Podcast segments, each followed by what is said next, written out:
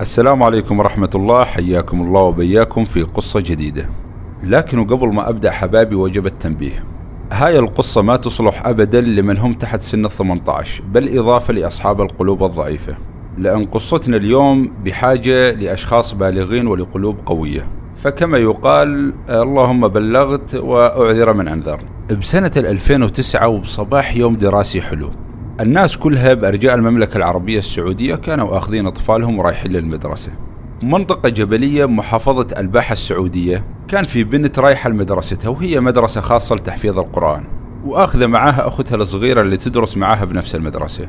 وكان عمر أختها الصغيرة هاي ثمان سنوات. يعني هاي البنت الكبيرة وأختها الصغيرة رايحات المدرسة تحفيظ القرآن. وهاي المدرسة ما كانت بعيدة عن بيتهم اللي يسكنون فيه. قاعدين يتمشون بأمان الله وكل شيء طبيعي. الحد هنا تمام؟ تقولوا لي تمام. أقول لكم مو تمام. فجأة ومن غير سابق إنذار وأثناء ما الأخت الكبيرة ماسكة إيد أختها الصغيرة ورايحين للمدرسة الأخت الصغيرة ومن دون مقدمات تنفض إيد أختها وتنطلق بسرعة جنونية عكس اتجاه المدرسة. يعني راحت تركض باتجاه بعيد عن المدرسة لكن إيش؟ بسرعة مهولة للغاية لدرجة أن أختها الكبيرة انصدمت للوهلة الأولى وظلت واقفة بمكانها مو مستوعبة الشيء اللي قامت تشوفه.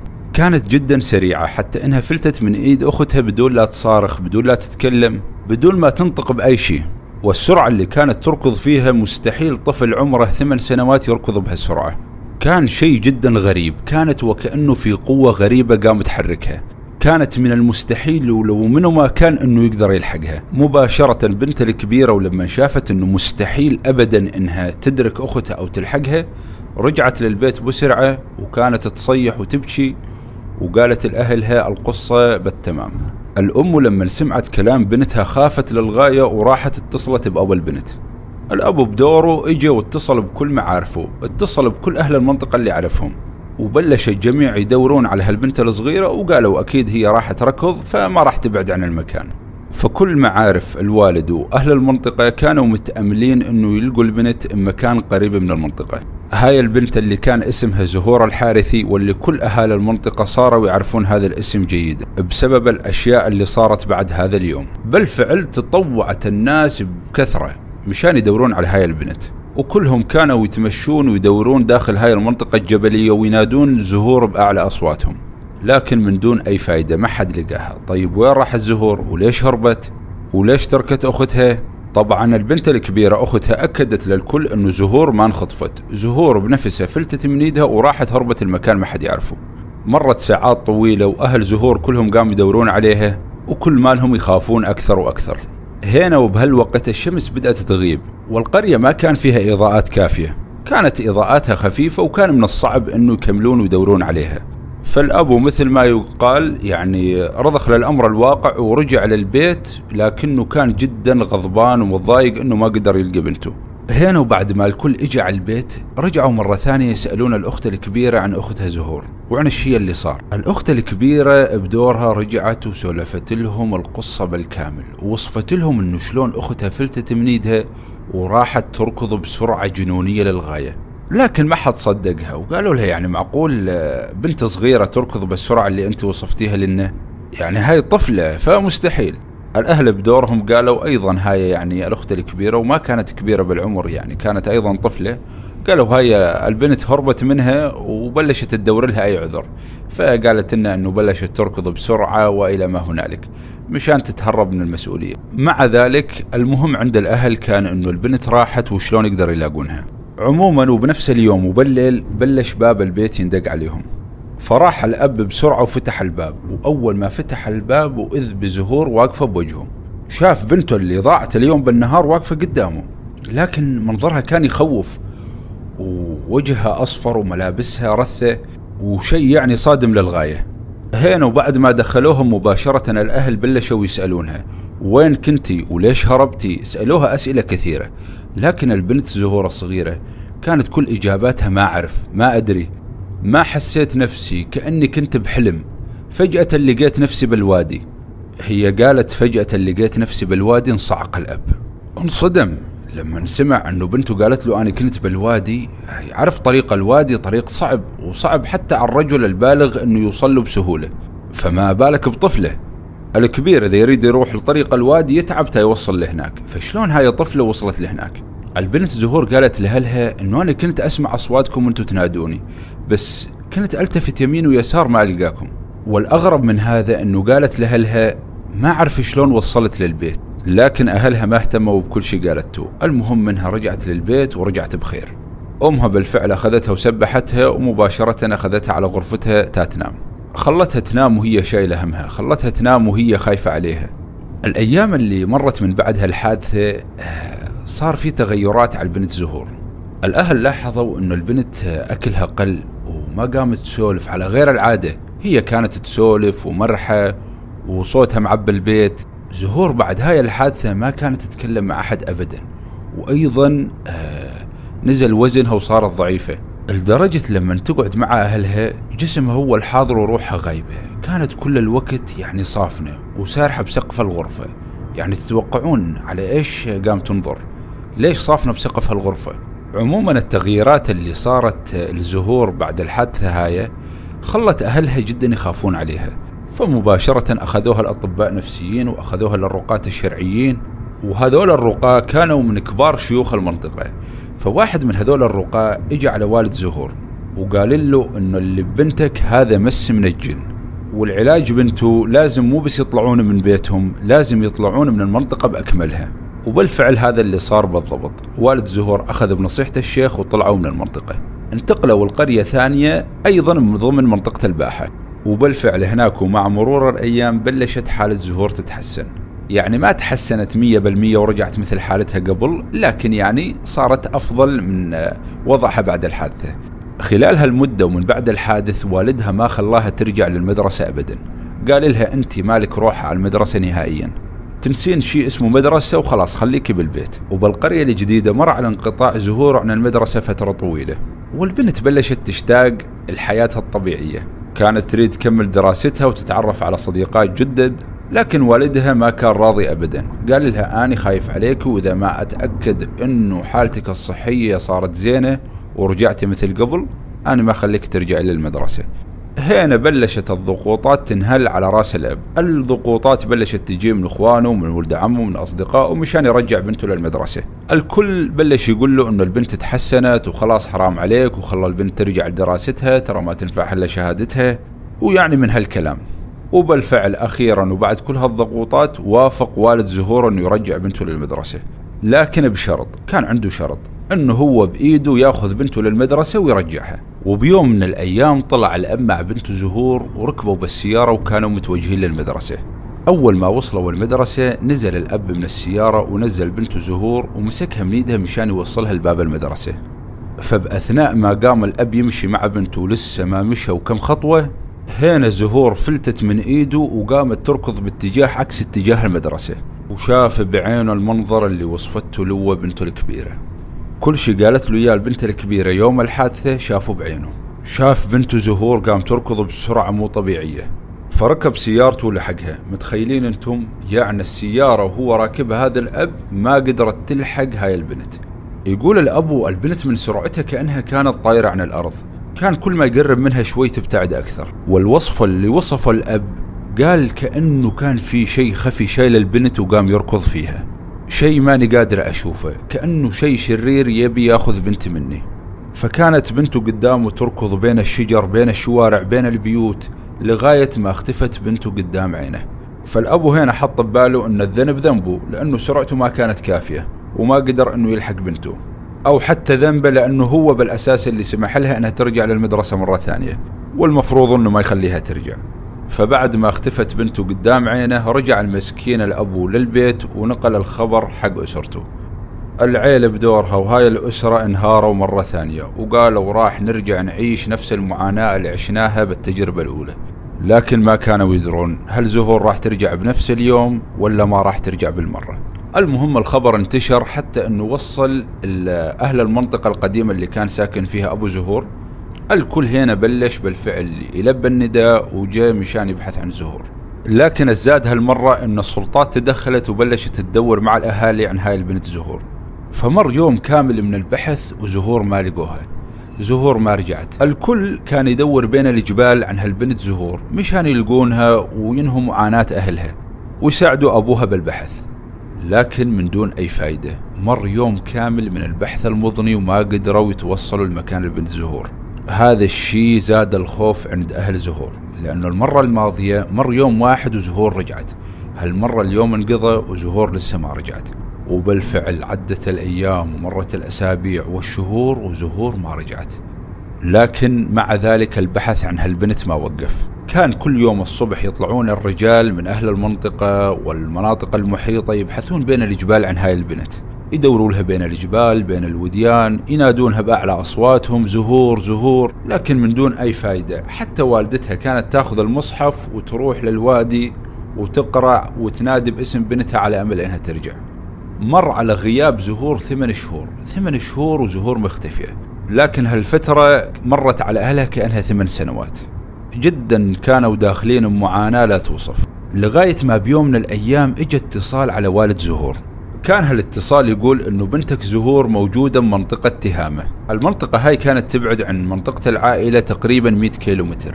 فالمنطقة كانت جدا بعيدة يعني شلون وصلت هالبنت الصغيرة لهناك؟ عموما ما كان بإيد الوالد إلا أنه يصدق هالكلام. أساسا هو ما كان يصدق أنه يحصل خيط يوصله لبنته.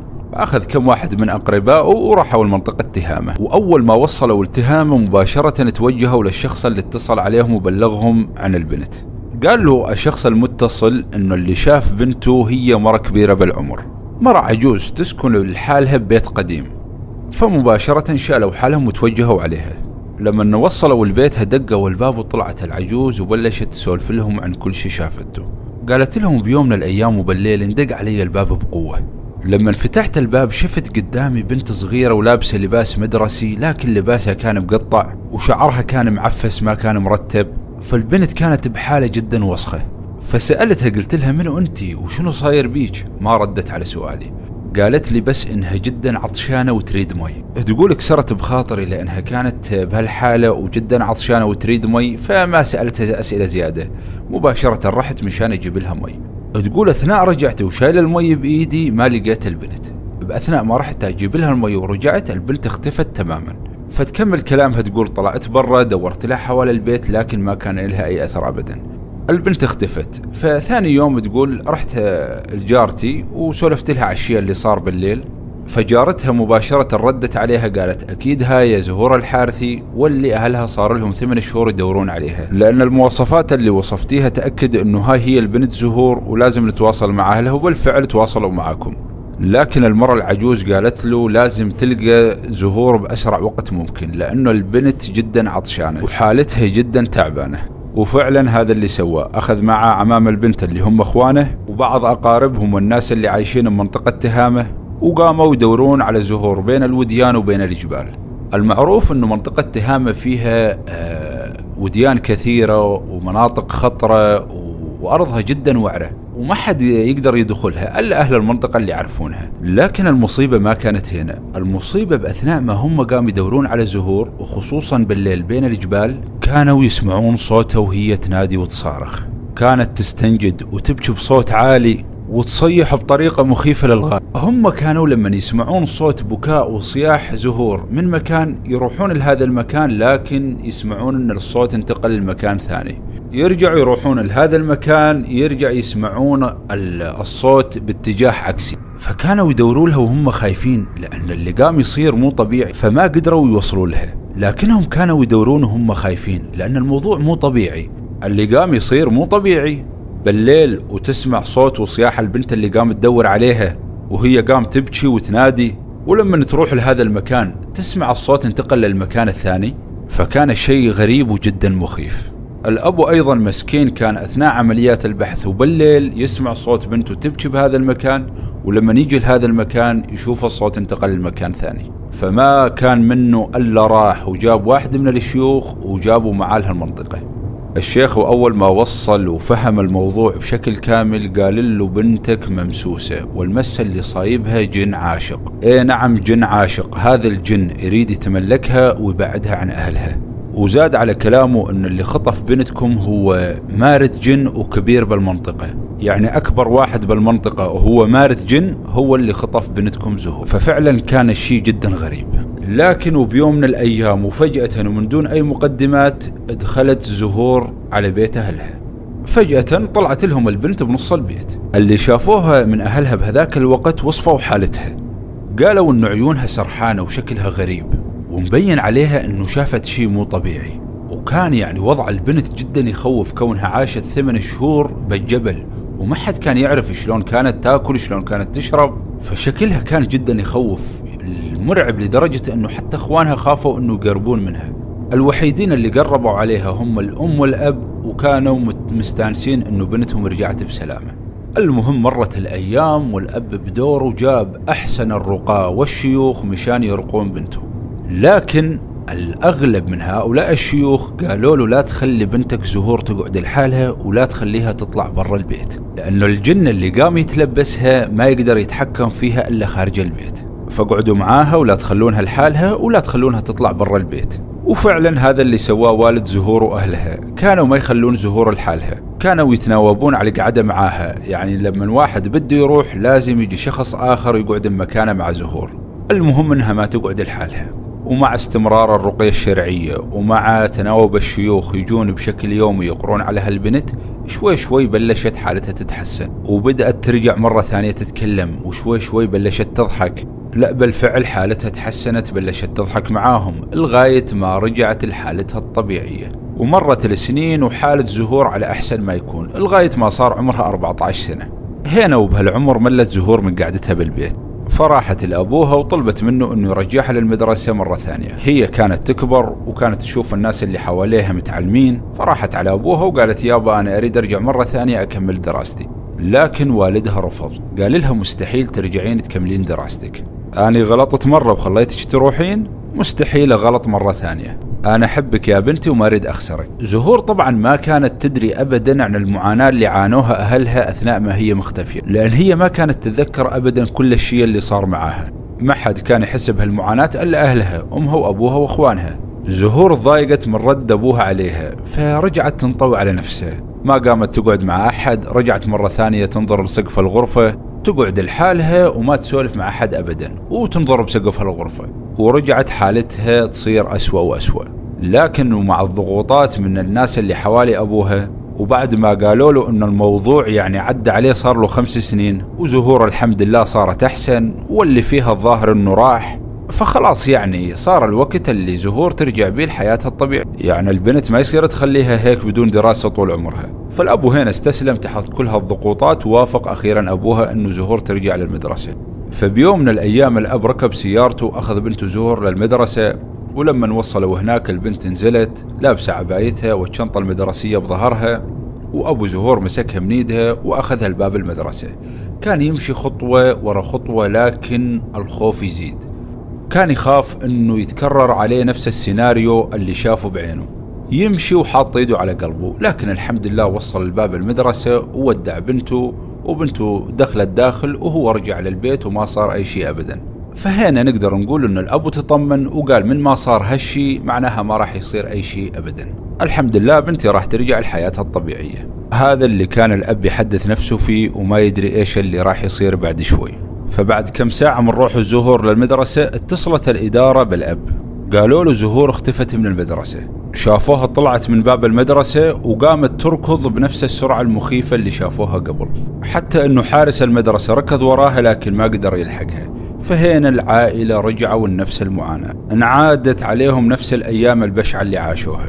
لكن هالمرة أهل المنطقة كلياتهم بلشوا يدورون على زهور.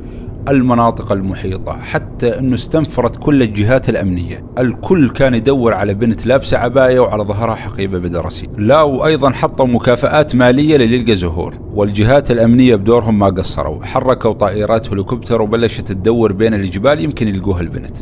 بهالفترة كثر الكلام عن زهور وفي ناس كثير قالوا إن شفناها. لكن قالوا مجرد ما أنه نقرب عليها مباشرة تختفي. طبعا هذا كلام الناس اللي كانوا يتصلون ويقولون إنهم شافوها. حتى واحد من الشرطة يقول أثناء مناوبته بين الجبال ولما كان قريب من سيارته سمع صوت ولما التفت لقى زهور وطلبت منه مي فحاول إنه يمسكها لكنها صرخت عليه وطلبت منه مي. فهو رجع مرة ثانية على سيارته مشان يجيب لها المي. لكنه لما رجع مرة ثانية والتفت مشان يشوفها لقاها تركض بسرعة جدا مخيفة. وعلى حسب وصفها الشرطي قال إنه لقاها تركض كأنها قامت تطير. وما كانت سرعتها سرعة إنسان طبيعي وكان الموقف جدا مخيف لدرجة أن الشرطي بيومها فقد الوعي. من الخوف الزلمة فقد الوعي. فاستمرت مطاردة واختفاء زهور لمدة سنة وثمان شهور. طول مدة السنة وثمان شهور عاشوها أهلها بخوف. وكل يوم كانوا يسمعون قصة جديدة عن زهور. ومن بين هالناس كان مجموعة شباب. قالوا وأثناء ما كنا قاعدين بالبر مرت علينا زهور وشفناها وهم كانوا يدرون إنها زهور فبدأوا يركضون وراها لكن من سرعتها الشديدة ما قدروا يمسكونها. ما هي إلا لحظات والبنت اختفت من أمامهم. وبيوم من الأيام وبحدة من قرى الباحة كان في عائلة عندهم وليمة أو عزيمة أو حفلة عشاء. وبعد ما انتهت هالمناسبة وخفت الزحمة عندهم بالبيت سمعوا صوت بنت قام تبكي. الصوت جاي من حظيرة المواشي. عندهم حظيرة ورا البيت حاطين فيها الحلال الدواب والغنم لكنهم سمعوا صوت جاي من هالحظيرة وصوت بنت قام تبكي. فلما راحوا يشوفون هذا الصوت الجاي من الحظيرة إيش؟ انصدموا لما لقوها زهور. كانت عبايتها مقطعة واضح إنه المي مو صايب جسمها طول هاي المدة اللي راحت وكانت تبكي مسكينة تريد أي واحد ينقذها. العائلة هاي طبعا عرفوها إنها زهور الحارثي وهي البنت المفقودة فلما فتشوا شنطتها لقوا أرقام تواصل مباشرة اتصلوا بأهلها. وقامت بعدها ربة البيت هذا أو صاحبة البيت أخذتها ونظفتها وغسلتها ولبستها ملابس جديدة. وجا الأبو بالفعل وأخذها لكن أول ما استلمها قطع على نفسه وعد أنه ما يخليها تطلع برا البيت أبدا. خلاص يعني زهور بحياتها ما تطلع برا البيت. هنا عاد رجعت الأسرة نفس الحالة يتناوبون على القعدة معاها ما يخلونها أبدا لحالها يمكن تتغافلهم وتهرب فما تركوها أبدا. لما بلشت تتحسن تدريجيا وتحكي معهم آه، سألوها قالوا لها إيش صار معك كل هالمدة اللي راحت؟ قالت لهم زهور إنه ما كانت تتذكر أي شيء طول هالفترة برا البيت لكنها كانت تحس إنه في شخص يجي يوكلها لكنها ما كانت تعرف شنو هالشيء ما تعرف من الشخص اللي يجي يوكلها. أهلها طبعا قالوا لها على الحوادث اللي مرت معاها لكن هي ما تتذكر أي شيء ابدا. قالوا لها إنه في ناس قالوا إنه شافوكي بالمكان الفلاني بناس لحقوكي على حادثة الشرطي. أكدت لهم أنها ما تتذكر أي شيء أبدا. المهم مع مرور الأيام رجعت حالتها تتحسن مرة ثانية. ورجعت 100% لحالتها الطبيعية. لغاية ما صار عمرها 19 سنة. وبيوم من الأيام كان والد زهور نايم. وجت له زهور وهو نايم وقالت له أنه هي تريد تودعه. لأنها تريد تسافر اليمن. لكنه اعتقد أنه هو كان يحلم وكان نايم فما استوعب الموضوع. لغاية ما أذن الفجر وقام توضى وراح المسجد. لكنه لما خلص صلاته ورجع للبيت بلش يتذكر الحلم اللي جت له فيه زهور وقالت له إنه هي تريد تسافر. فهنا بلش أبو زهور يسرع باتجاه البيت لكنه لما وصل البيت سمع صوت الأم تصيح. فهنا تأكد أبو زهور إنه ما كان يحلم. لأنه فعلا زهور جت عليه ودعته والكل كان مصدوم إنها ما كانت داخل البيت. يعني شلون طلعت؟ لكن هالمرة الموضوع ما طول. لأنه بيوم من الأيام جت ودقت الباب على واحدة من البيوت بالمنطقة.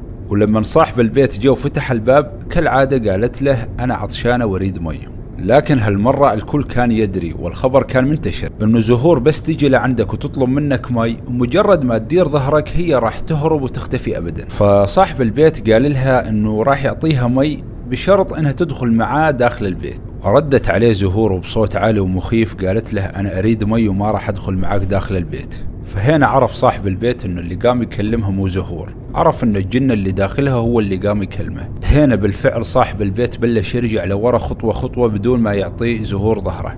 ومباشرة أول ما رجع الداخل وعينه على زهور بلش يكلم أهله بالبيت وفهمهم القصة. أهله بدوره مباشرة اتصلوا بأهل زهور. وكلموا كل البيوت اللي حوالين البيت وبالفعل جو وحاوطوا زهور. حاولت إنها تهرب لكن كانوا محاوطينها بشكل محكم. وقللوا فرصة هروبها وقدروا إنه يلقون القبض عليها. وحسب الروايات إنه بعض الشباب اللي مسكوها بهذيك الساعة تعرضوا لإصابات شديدة لأنه البنت ما كانت قوتها طبيعية ما كانت قوة بنت ما كانت قوة إنسان عادي كانت بقوة عشر رجال. مع ذلك الحمد لله وأخيرا قدروا إنهم يمسكونها ورجعوها مرة ثانية لأهلها. أهلها بدورهم استعانوا بالشيوخ وبالقراء وبلشت الرقية بشكل مكثف عليها والمراقبة؟ وعدت الأيام لكن من دون أي تحسن ملحوظ على زهور. البنت كانت داخلة بحالة هستيرية. لحد ما اجى عليهم أحد من الشيوخ وقدم لهم اقتراح. قال لهم إنه زهور فيها جن عاشق متلبسها جن عاشق ومستحيل إنه ينفك عنها أو يبعد عنها إلا في حال إنكم تزوجونها. إذا تريدون البنت الطيب زوجوها. زوجوها مشان يبعد عنها هذا الجن. وبالفعل ومع مرور الأيام آه، وبعد ما قليلا تحسن حال زهور تقدم لها واحد من الشيوخ.